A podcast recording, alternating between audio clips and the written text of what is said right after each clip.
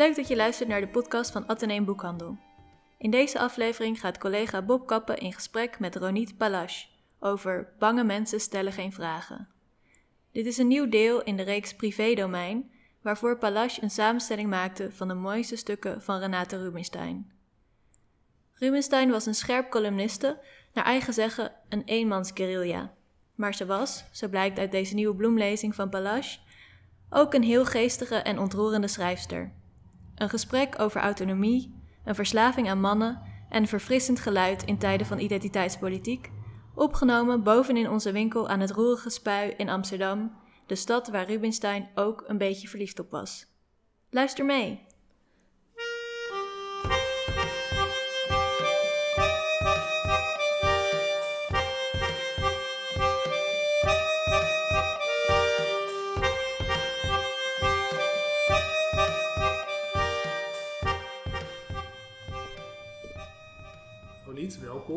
Dankjewel. Ja, we zitten hier boven op het spui. Je was hier nog nooit geweest, hè? Nou ja, wel in dit gebouw natuurlijk, Ja. maar nooit hoger dan, eh, dan verdieping 2. En dit is wel de absoluut prachtigste plek van. Amsterdam.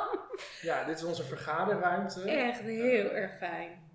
Waar veel afleiding is. Natuurlijk, er gebeurt een hoop altijd op het plein. Je hoort de tram ook best wel goed voorbij komen, maar dat maakt alleen maar... Je ziet de eh, boekenmarkt, het Maagdenhuis, Café Zwart, in Atheneum. Het is echt een uitkijken over, over mijn lievelingsstukje van Ja. de stad. Het is echt een treat om er te zijn.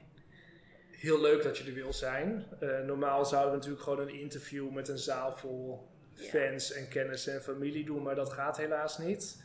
Nee. Ehm, want je bent hier omdat je een nieuw deel in de privédomeinreeks hebt eh, eh, gemaakt. Samengesteld. Samengesteld, Ja, gemaakt, eh, ingeleid, ehm, geannoteerd over Renate Rubinstein. Ja. Eh, voordat ik je boek las, dacht ik altijd dat het Rubinstein was. Nee, dat zou Nee, maar. Ik, in- op een van de eerste pagina's dacht ik, oké, dat ga ik echt nooit meer zeggen. Dus ik corrigeer inmiddels ook wel de klanten die eh, ervoor komen. Ja. Kun je, ze is nu 30 jaar geleden overleden, Ja, toch? afgelopen maandag was ze 30 Ja. jaar geleden precies eh, overleden. Dat is mijn geboortejaar, dus ik heb er echt niet meegemaakt. Nee. Kun je voor de luisteraars vertellen wie Renate Rubinstein is? Nou ja, eh, er zijn nooit woorden genoeg om helemaal te duiden wie ze was. Maar ik kan wel een korte samenvatting geven. Een soort biografisch klein schetsje. Graag. Waarvan het belangrijkste toch wel is dat ze eigenlijk de eerste echte columnist van Nederland was.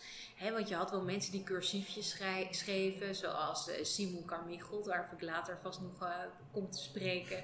Eh, Godfried Bomans, dat waren kleine stukjes vanuit soort personages die kleine oppervlakte van Nederland of de buurt bezagen. En dit was voor het eerst dat iemand vanuit een soort persoonlijk gedreven visie echt de wereld bekeek. Ook verder dan Nederland en verder dan het eigene, zou ik maar even zeggen.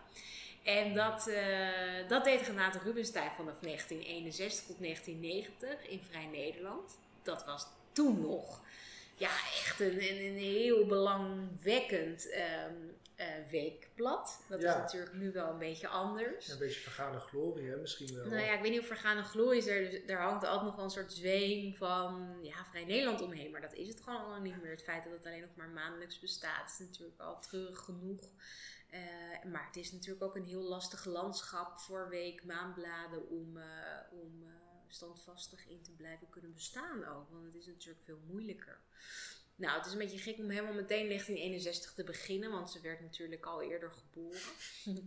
In 1929 om precies te zijn. En eh, ze was eigenlijk Duitse. Dat is ook de reden waarom ze eigenlijk het niet zo fijn vond als haar naam werd uitgesproken als Rubinstein. Ze wilde gewoon Rubinstein heten. Nou, ze werd geboren als oudste in een gezin met een broer en een zus. In En- Berlijn, toch? ja, in Berlijn. En Ze had een Joodse vader en een niet-Joodse moeder. En dat is nogal belangrijk om te vermelden. Omdat ze daar later ook best veel over schrijft. En ook wel heel erg indringend over schrijft. Want bijvoorbeeld ehm, het feit dat je voor Joden eigenlijk niet helemaal officieel mee mag doen. eh, als je alleen maar een Joodse vader hebt, dat is voor haar een heel belangrijk eh, onderdeel ook van haar identiteit. Daar schrijft ze echt fantastisch over. Dus dat is echt nog wel even iets wat ik wil uitlichten ook in haar werk. En ehm, eh, ze heeft ook een tijdje in Israël gewoond, in een kibbutz, waar ze werkte als schaapsherderin. Ontzettend grappig. Maar ze was al heel snel iemand die van schrijven hield. Dat vond ze eigenlijk ja, naast ook wel verliefd zijn, maar schrijven, dat vond ze toch wel zo ontzettend leuk. En ze was er eigenlijk meteen ook wel vrij goed in. Altijd in dezelfde vorm, in de zin van dat het eigenlijk altijd wel korte stukjes waren. Hè? Dus zelfs als ze boeken publiceerden, dan waren het allemaal wel korte hoofdstukjes. Dat was gewoon een vorm die haar heel goed lag, waar ze ook echt in excelleerde. Dus ze begon al stukken te schrijven in de PC, Propia Curus, het oudste weekblad van, het oudste studentenblad pardon, van Nederland. En uh, daar wilden ze ook echt graag bij horen, bij die mensen, bij die leuke, slimme, baldadige mensen. En mannen ook, hè. dat vond ze maar wat leuk. En zij werd gewoon ook ja, als vrouw best wel serieus genomen. Zeker in die tijd was dat helemaal niet vanzelfsprekend. Maar het was iemand die meteen met een volstrekt gestrekt been in, in, in ja, haar, haar punt ging maken over bijvoorbeeld zoiets als het Zionisme. Maar echt mhm. al in de jaren 50. Dus dat was echt. Ja, kijk, Israël was opgericht in 1948. Dus dan heb je het over zeven jaar na de oprichting van Israël. Dat is onwaarschijnlijk visionair geluid geweest eigenlijk. Want dat, iedereen was zo ontzettend blij dat Israël er was. En men vond dat ook ontzettend belangrijk. Ja. Natuurlijk omdat die oorlog net was afgelopen en omdat er zoveel vreselijke dingen waren gebeurd, dat in ieder geval de Joden dan een veilige plek zou hebben. Maar zij zag ook al heel snel de mitsen en maren aan dat verhaal en dat veel Joden zich op een bepaalde manier lieten voorstaan op dat land, wat af en toe toch neiging had om een beetje een soort reversed ja, hè, dat, draait dan een beetje om dat discrimineren als het ware. Dat zag zij heel erg scherp. Dat is later een geluid geweest wat je veel scheller hoorde en soms ja, ook weer op niet zo'n hele prettige toon. Maar zij deed dat vanaf het eerste moment al best heftig. En hoe oud was ze toen ze voor het eerst naar Israël ging? Nou, uh, want er was natuurlijk niet zoals nu dat het dit soort informatie als ze in Nederland had uh, had gezeten, moet ze dit uit de kranten hebben gehoord en daar haar mening. Dus ik kan me zo voorstellen dat ze toen misschien al voor het eerst in Israël was geweest. Ja, ze was toen terug uit Israël. Oh, ze was toen al terug uit Israël. Ja, ja, ja. want ze werkte dus uh, uh, als schaapsherderin inderdaad in Israël. En dat was uh, voor de kibbutz. Oh ja. En toen had ze ook al nog gewerkt als redactieassistent voor het Nieuw Israëlitisch Weekblad. En daarna kwam ze dus inderdaad bij PC te werken, alleen ze had dus niet gestudeerd. En eigenlijk mag je dan helemaal niet voor dat blad werken.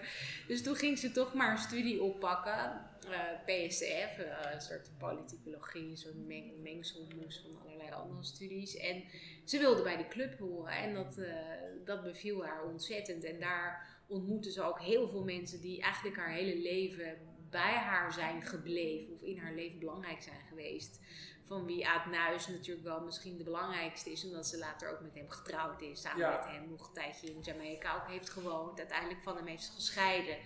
Maar in de tijd dat de wijnrap-affaire speelde, toen um, stond hij weer aan haar zijde. Dus dat was eigenlijk best wel een trouwe vriend uh, altijd gebleven. Ja, en dan, um, je zegt van, hè, ze was vanaf jongs af aan al uh, bezig met schrijven, stukjes schrijven.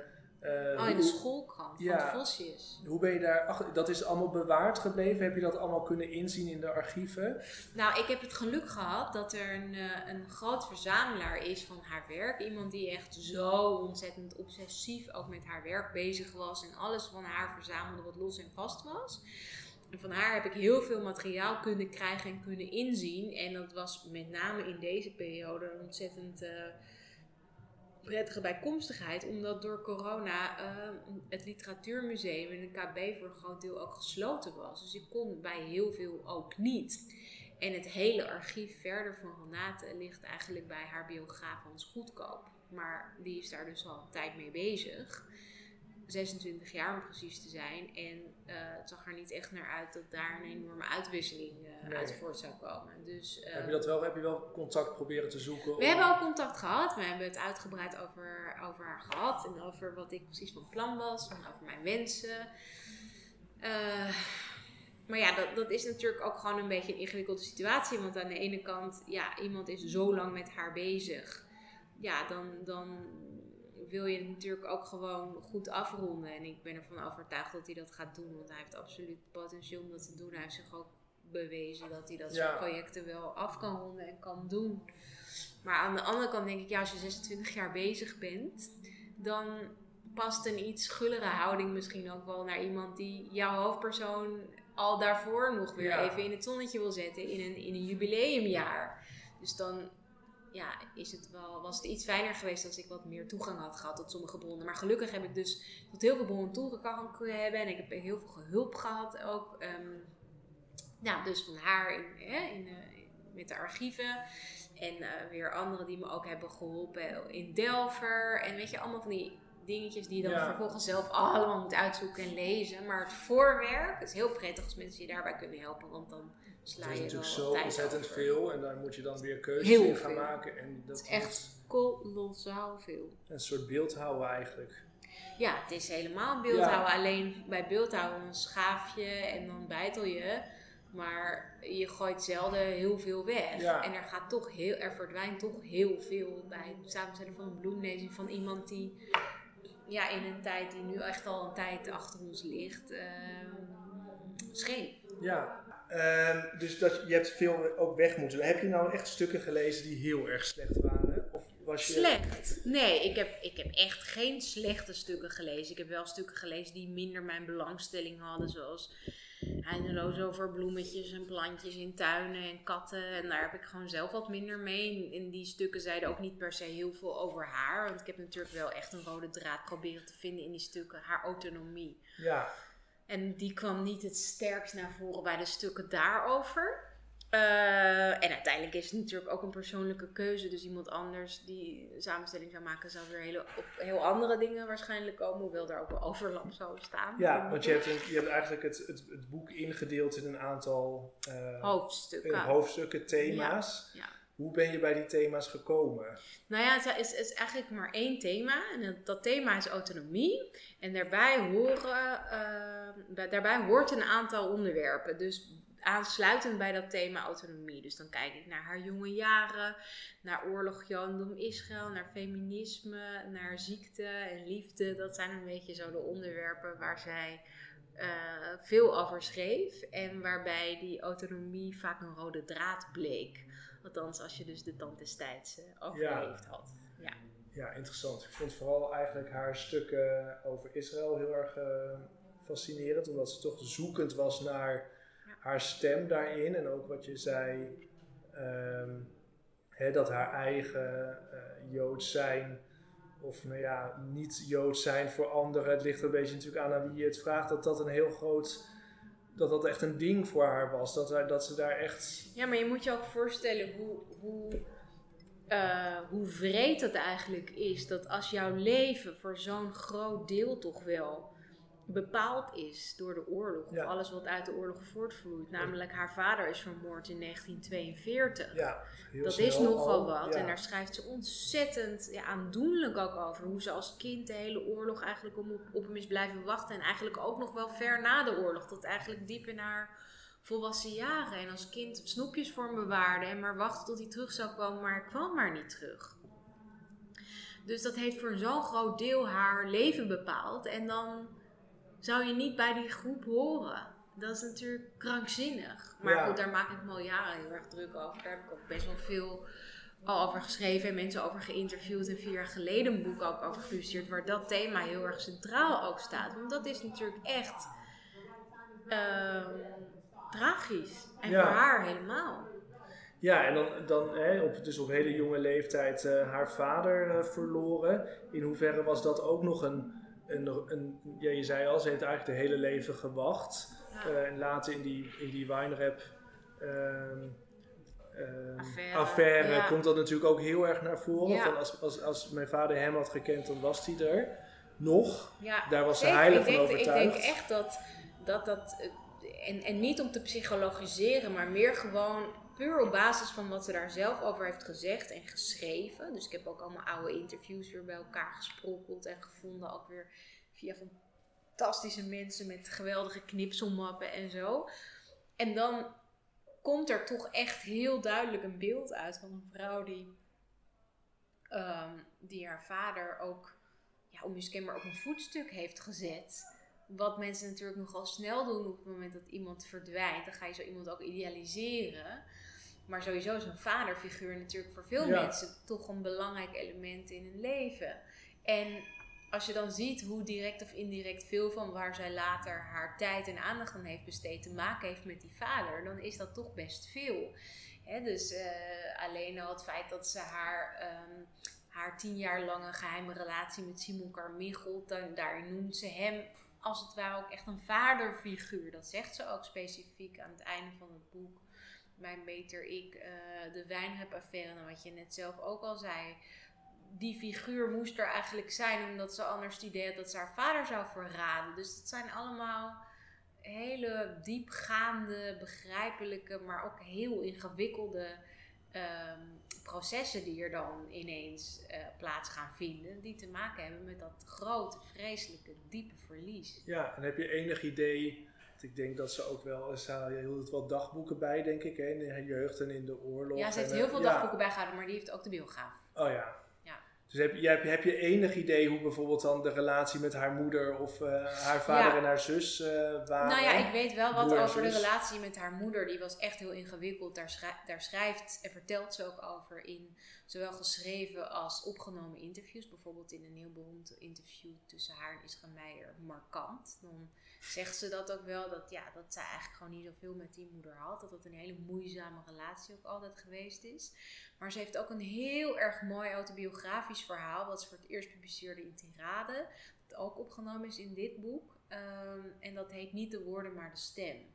En dat gaat eigenlijk ook veel over die moeizame relatie met haar moeder. En uh, dat is heel indringend ook. Heel mooi. Ja. Maar ook verdrietig. En haar broer en haar zus, heb je daar, enig, heb je daar een idee van? Nou ja, alleen via derde zou ik maar zeggen. Want daar heeft ze niet heel veel over geschreven. Wel af en toe een stukje hier en daar hoor. Maar niet, uh, dat was niet haar hoofdthema of zo. Nee. Nee, dan, ze was uh, dol op mannen. Je hebt het al even eerder gezegd. Ze was het was bijna een soort een manie, zo las ik het altijd. Een soort echt een verslaving aan mannen. Ik vond dat wel echt heerlijk om te lezen. Ja, nou ja, dat... Eh, en niet per se aan, aan de liefde voor mannen, maar gewoon aan het uh, ook bij mannen zijn. Dat vond ze heerlijk. Ook dat je zei over die tijd bij Propiacurus en zo, dat het de mannen die daar waren, daar wilden ze gewoon dolgraag bij horen. Maar heel veel mensen hebben me ook echt gewaarschuwd van, nou, uh, ze, ze had wel een hele erge hekel aan vrouwen hoor. En ja, eerlijk gezegd, ja, ik heb haar natuurlijk niet gekend. Dus voor mij is het achteraf makkelijk praten. Er zijn natuurlijk mensen die haar hebben gekend en, en in ieder geval de beleving kunnen hebben gehad dat dat wel zo was. Maar dat is echt niet een beeld wat voor mij is ontstaan bij het samenstellen van het boek. Dat ze een hekel had aan vrouwen. Ze kon absoluut vrouwen ook op een voetstuk plaatsen. Ze had enorm grote bewondering voor ook eh, vrouwen in de literatuur. Want we moeten niet vergeten dat ze ook ontzettend belezen iemand was. En ook prachtige stukken heeft geschreven over literatuur. Uh, en, en, en daarin zie je dat ze absoluut geen onderscheid maakt tussen mannen en vrouwen. En, en die net zo goed kan vinden. En dat ze ook hele dierbare vriendinnen heeft. Bijvoorbeeld iemand als Annie M. G. Schmid zijn wel... Uh... Ja, en zijn het, waren het mannen die jou daarvoor waarschuwden of waren dat vrouwen? Allebei. Want we hadden het er al even over voordat uh, een microfoon aanging, dat, dat je het zo opvalt dat alle stukken die over dit boek worden geschreven of de interviews die dat het alleen maar vrouwen ja, zijn. Ik vind het ook wel heel grappig, maar het is wel opvallend. Ja. Echt, uh, er zijn zoveel stukken over het boek verschenen. Gelukkig ook, daar ben ik heel dankbaar voor. Want het is natuurlijk ontzettend leuk dat zij 30 jaar na dato weer opnieuw zo in de aandacht is komen te staan. Haar werk, haar, haar, haar uh, erfenis, haar tijdloze stukken. En dat ze weer opnieuw gelezen kan worden. Of voor het eerst gelezen kan worden zelfs door een bepaalde generatie. Dat is fantastisch. Maar het was wel iets wat me opviel. Dat het alleen maar vrouwen waren die over haar schreven. Ja, ja, we hadden het al even. Maar je hebt niet echt een idee waarom dat dan zo is? Nee, dat begrijp ik helemaal niet van. Want ik denk dat die stukken echt uh, totaal niet voor mannen of voor vrouwen zijn. Juist niet. Nee, vooral de stukken over feminisme. Dat je zelfs zou bijna kunnen, net zoals hè, de dingen die, wat ze over, over Israël of over het Jodendom, dat dat ongemakkelijk zou kunnen lezen voor voor Israëli's. Dat is heel grappig. Dat, Ja, dat, er staat ook een stukje in dat er dan zo'n vrouw langskomt bij haar als ze net dat boek heeft geschreven over Israël. Jood in Arabië, Goy in Israël. En dan wil die vrouw dat boek laten signeren voor haar man. Eh, en dan denkt die vrouw dat dat een heel positief boek is. Ze, ze zegt, nou ik weet niet of u het dan voor hem moet kopen, weet je wel. Dus dat, dat realiseert ze zich natuurlijk ook. Zoals wel iemand die ja, af en toe om te plagen natuurlijk ook wel. Dat zegt ze ook. Van eh, lekker pesten af en toe, kon geen kwaad. Maar vooral gewoon niet ook ergens ingedeeld kunnen of willen worden. Ja, willen, daar, daar verzetten ze zich echt tegen. Ja, dat, dat is gewoon geen zin in. En, en ik moet ook heel eerlijk zeggen dat ik dat ontzettend goed begrijp. Dat is natuurlijk het vijandschap van je autonome geest. Op het moment dat je ergens geclaimd kunt worden, ingedeeld kunt worden, bestempeld kunt worden Ja. of gelabeld, dan, dan hoor je ergens thuis en dan kan je bijna geen dissident geluid meer laten horen. Sterker nog, dan is een ander geluid meteen dissident. Ja. Terwijl als je gewoon van jezelf bent en je eigen gedachten en je eigen denken, of zoals zij zei, een eenmansguerrilla, dan komt daar veel waarachtigers uit. Dan, Nou, en je behoort bij heel veel dingen ook weer niet. Het is natuurlijk ook, het ontneemt je ook van heel veel vrijheid door in een hokje geplaatst te zijn. Ja, en ik denk dat voor een columnist het bij uitstek heel plezierig is als je ergens niet bij hoort. Want dan behoud je ook de koele blik om met een afstand en met een originele blik naar de wereld te kijken en, en te beschouwen wat je waarneemt. Ja, en ik denk dat dat ma- maakt het in ieder geval voor mij, en ik denk ook voor heel veel mensen, of voor, voor heel veel van mijn generatie, ik ben dus geboren in 1990, zo actueel. Omdat het heel erg gaat over, er staat nu een generatie op die gewoon niet meer in hokjes geplaatst wil worden. Die, die echt autonoom willen, dat je niet wordt eh, beoordeeld op je naam of om je huidskleur of omdat je homo of weet ik veel wat bent. En dat, dat, dat vond ik heel erg indrukwekkend aan haar als persoon. Dat ze daar toen al heel erg mee bezig was. Nee, klopt. Wat zij bijvoorbeeld, eh, eh, een van de dingen die zij noemt, en dat, dat is iets wat me ook al heel lang opvalt, is als je bijvoorbeeld ook kijkt naar kinderliteratuur of zo, dan het is allemaal papa, mama, papa, mama. Terwijl al die kinderen die hebben eh, klassen waar eigenlijk bijna geen papa's en mama's meer zijn, althans niet Nee. bij elkaar. Eh, zoals het heet regenbooggezinnen of samengestelde gezinnen of weet ik veel. En als er dan eens een kinderboek verschijnt daarover, dan is dat het onderwerp. Ja. Het is niet iets wat soort van terloops wordt gebracht. Nou, toevallig is iemand homo. Er is niet een soort van, eh, van eh, papa zegt dat je even naar papa moet lopen om dit en dit te pakken. Weet je, dat het iets heel normaals is. Nee, het En thema van het boek is dan dat de vader. Ja, Ik heb twee papa's of ja zoiets. precies. Nee, nee, nee. Ja, dat, nee maar ook hè, dat, het- dat het heel erg storend is dat je, eh, om, omdat je homo bent bijvoorbeeld, moet je van de gay pride houden. Omdat je, Ja, omdat je joods bent, moet je voor Israël zijn. Of omdat je. precies. eh, Maar wat ik wel vind is dat als jij het hebt over de generatie hè, die niet zo graag in een hokje geplaatst wil worden, althans niet om de huidskleur die ze hebben of de seksuele geaardheid die ze hebben of noem het maar op. Maar ik vind dat die generatie toch wel heel veel eenheidsworst eigenlijk produceert en, en vertelt. Ja, Dus iets te veel navelstaarderig, dat ben ik wel met dat, je eens. maar niet alleen navelstaardig, maar het lijkt allemaal ook zo op elkaar. Ik vind echt zelden dat ik denk van god, wat een verfrissend origineel geluid tussen deze mensen. En af en toe komt het voor en dan ben ik weer heel erg blij. En dan denk ik van, ah, zie je wel, het kan wel. Maar je kunt ook zo doorschieten in die, zou ik maar zeggen, niet-identiteitspolitiek. Dat het toch weer identiteitspolitiek wordt. En Snap hoe, je denk je dat, ja, en hoe denk je dan dat Renate daarin eh, toch, want daar heb ik haar eigenlijk niet op betrapt, in dat doorschieten. Nee, omdat ik denk dat zij daar niet mee bezig is. Dus eh, zij, hè, dus voor haar is het allemaal veel terloopser. Dus als een vrouw een goed boek schrijft, noem dat dan geen vrouwenliteratuur. Noem het gewoon literatuur. Ja. Doe er niet zo moeilijk over. Ik ben daar al lang. Ik ben te geëmancipeerd om feminist te zijn. Dat zei ze. Zij was daar al. Ze hoefde niet die hele discussie nog eens daarover te hebben. Want steeds dat bediscussiëren er ook van dat geeft het ook heel veel bestaansrecht tegelijkertijd. Het is wel nodig. Weet je, dat snap ik ook wel. Ja, dat is natuurlijk een beetje het ingewikkelde Maar- daaraan. Ja. Als je er gewoon met z'n allen eens een keer over stopt en gewoon gaat je gedragen naar het normale, van wat we allemaal diep van binnen wel weten dat dat echt het normale is, dan kom je misschien iets verder dan dat je altijd maar in die identiteitspolitiek blijft steken. Want het wordt op den duur ook heel saai. Ik vind het ook echt saai. ja, we hebben het al jaren nergens anders over. Ik word er helemaal gek van. Ik vind het niet spannend, ik vind het saai. Ik vind het ook vervelend dat het nog nodig is. Dus Ja. mensen die zich daardoor gekrenkt voelen of, of, of daar eh, last van hebben, dat vind ik ook vervelend voor ze. En tegelijkertijd denk ik van, kom op, eh, zet door, ga beyond die Ja, identiteitspolitiek. Vertrouw ook gewoon een beetje op wat jij kunt. En als je dat met enthousiasme en verven brengt, er is echt plek voor.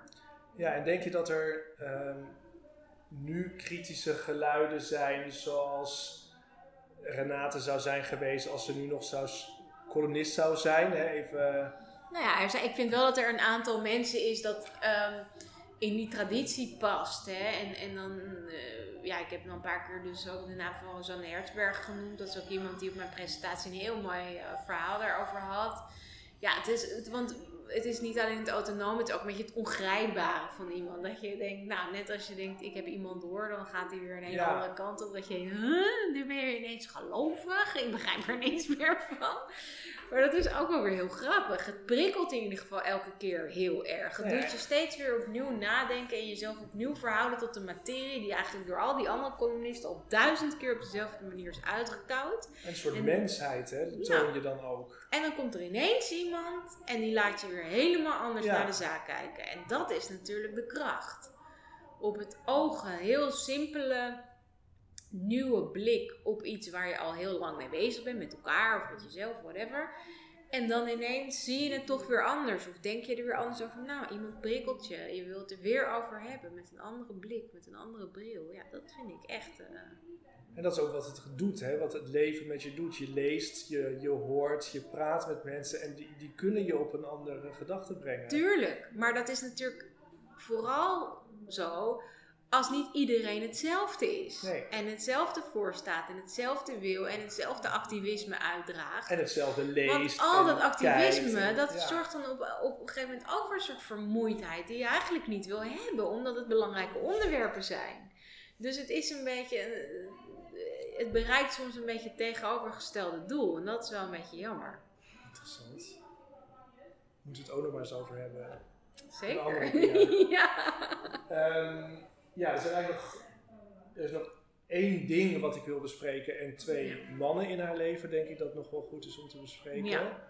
Eh, nou, we hebben het al een paar keer over die wijnrap-affaire gehad. Dat was voor mij helemaal nieuw. Daar had ik, daar had ik Nee, dat is ook echt gehoord. heel normaal dat dat Ja, nieuw is. Maar dat, was zo, dat heeft zoveel invloed gehad op haar leven en op haar werk ook. Ze is ook een tijdje gestopt met, eh, met haar column in de Vrij Nederland, omdat het er allemaal wat te veel werd, denk ik. Zo. Nou ja, ze had ook gewoon echt een, eh, een, eh, ja, ruzie hè, met een Ja. mede-columnist in het blad, Hugo Brandt Korsjes, die onder eh, de naam Piet Grijs schreef. En dat ging op een gegeven moment wel heel ver voor haar althans. Maar tegelijkertijd wilde de hoofdredacteur destijds, Rinus Fernandes, die wilde niet een andere columnist vertellen dat hij niet mocht schrijven wat hij wilde. Nee. Dus ik, ik vind het, daar vind ik, ik begrijp, hè, het was, dat vind ik ook wel weer heel grappig. Want eigenlijk had het meer in de lijn der verwachting gelegen ook. Dat zij zou zeggen, ja, nou ja, die mag ook zeggen wat hij vindt. Ja, dat doe ik ja. voortdurend toch ook elke week, weet je wel.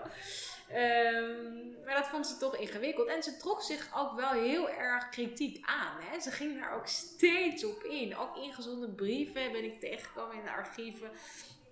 Eh, als iemand dan weer over haar geklaagd had of haar niet leuk vond, dat, dat trok ze zich toch aan. Dus aan de ene kant was ze heel overtuigd van zichzelf en heel autonoom. En aan de andere kant, dat is ook die leuke ambivalentie van haar, ook weer heel erg niet. Want Ja. ze vond het toch wel belangrijk dat mensen er ook wel zagen zitten. Dat ze meedeed. Ja, dat ze aardig, ze wilde aardig. ze wilde absoluut ja. aardig gevonden worden. En dat stamt weer eigenlijk uit een vroeg verhaal van de dag dat haar vader eh, werd weggehaald voordat hij werd vermoord. En dat ze haar moeder heel verdrietig in de keuken zag staan. En vervolgens die moeder een helft gaf van een koek dat ze, die ze net gekregen had. En toen zei die moeder, waarom doe je nou zoiets op zo'n moment? Wie doet nou zoiets? En op dat moment was had ze 13. eigenlijk nog jonger, volgens mij.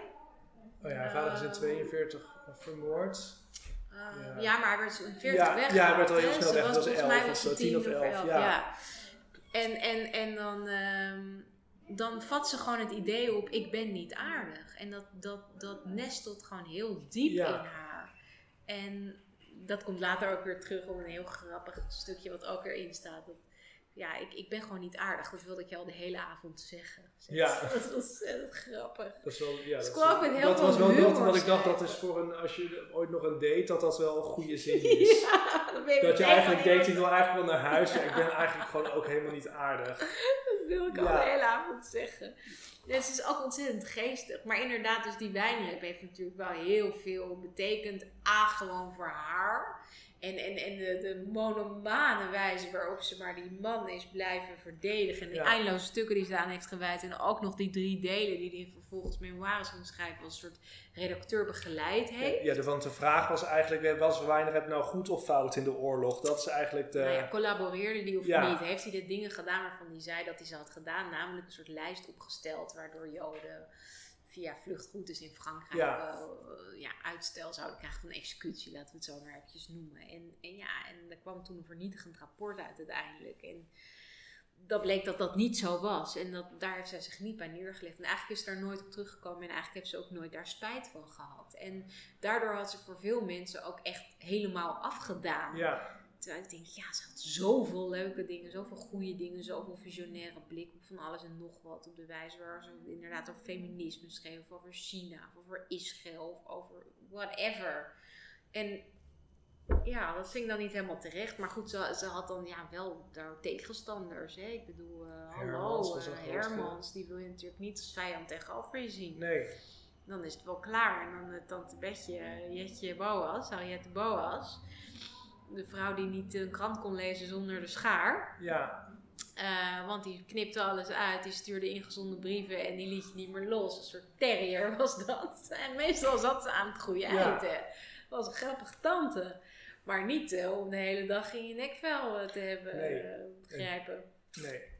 Ik vond het wel, eh, ik vond het zo ontroerend dat ik dacht, ze was zo erg overtuigd van het feit dat haar vader anders nog zou hebben geleefd. Dat ik het zo erg snapte dat ze aan die wijnreb bleef hangen. Ik denk dat het de dokter is.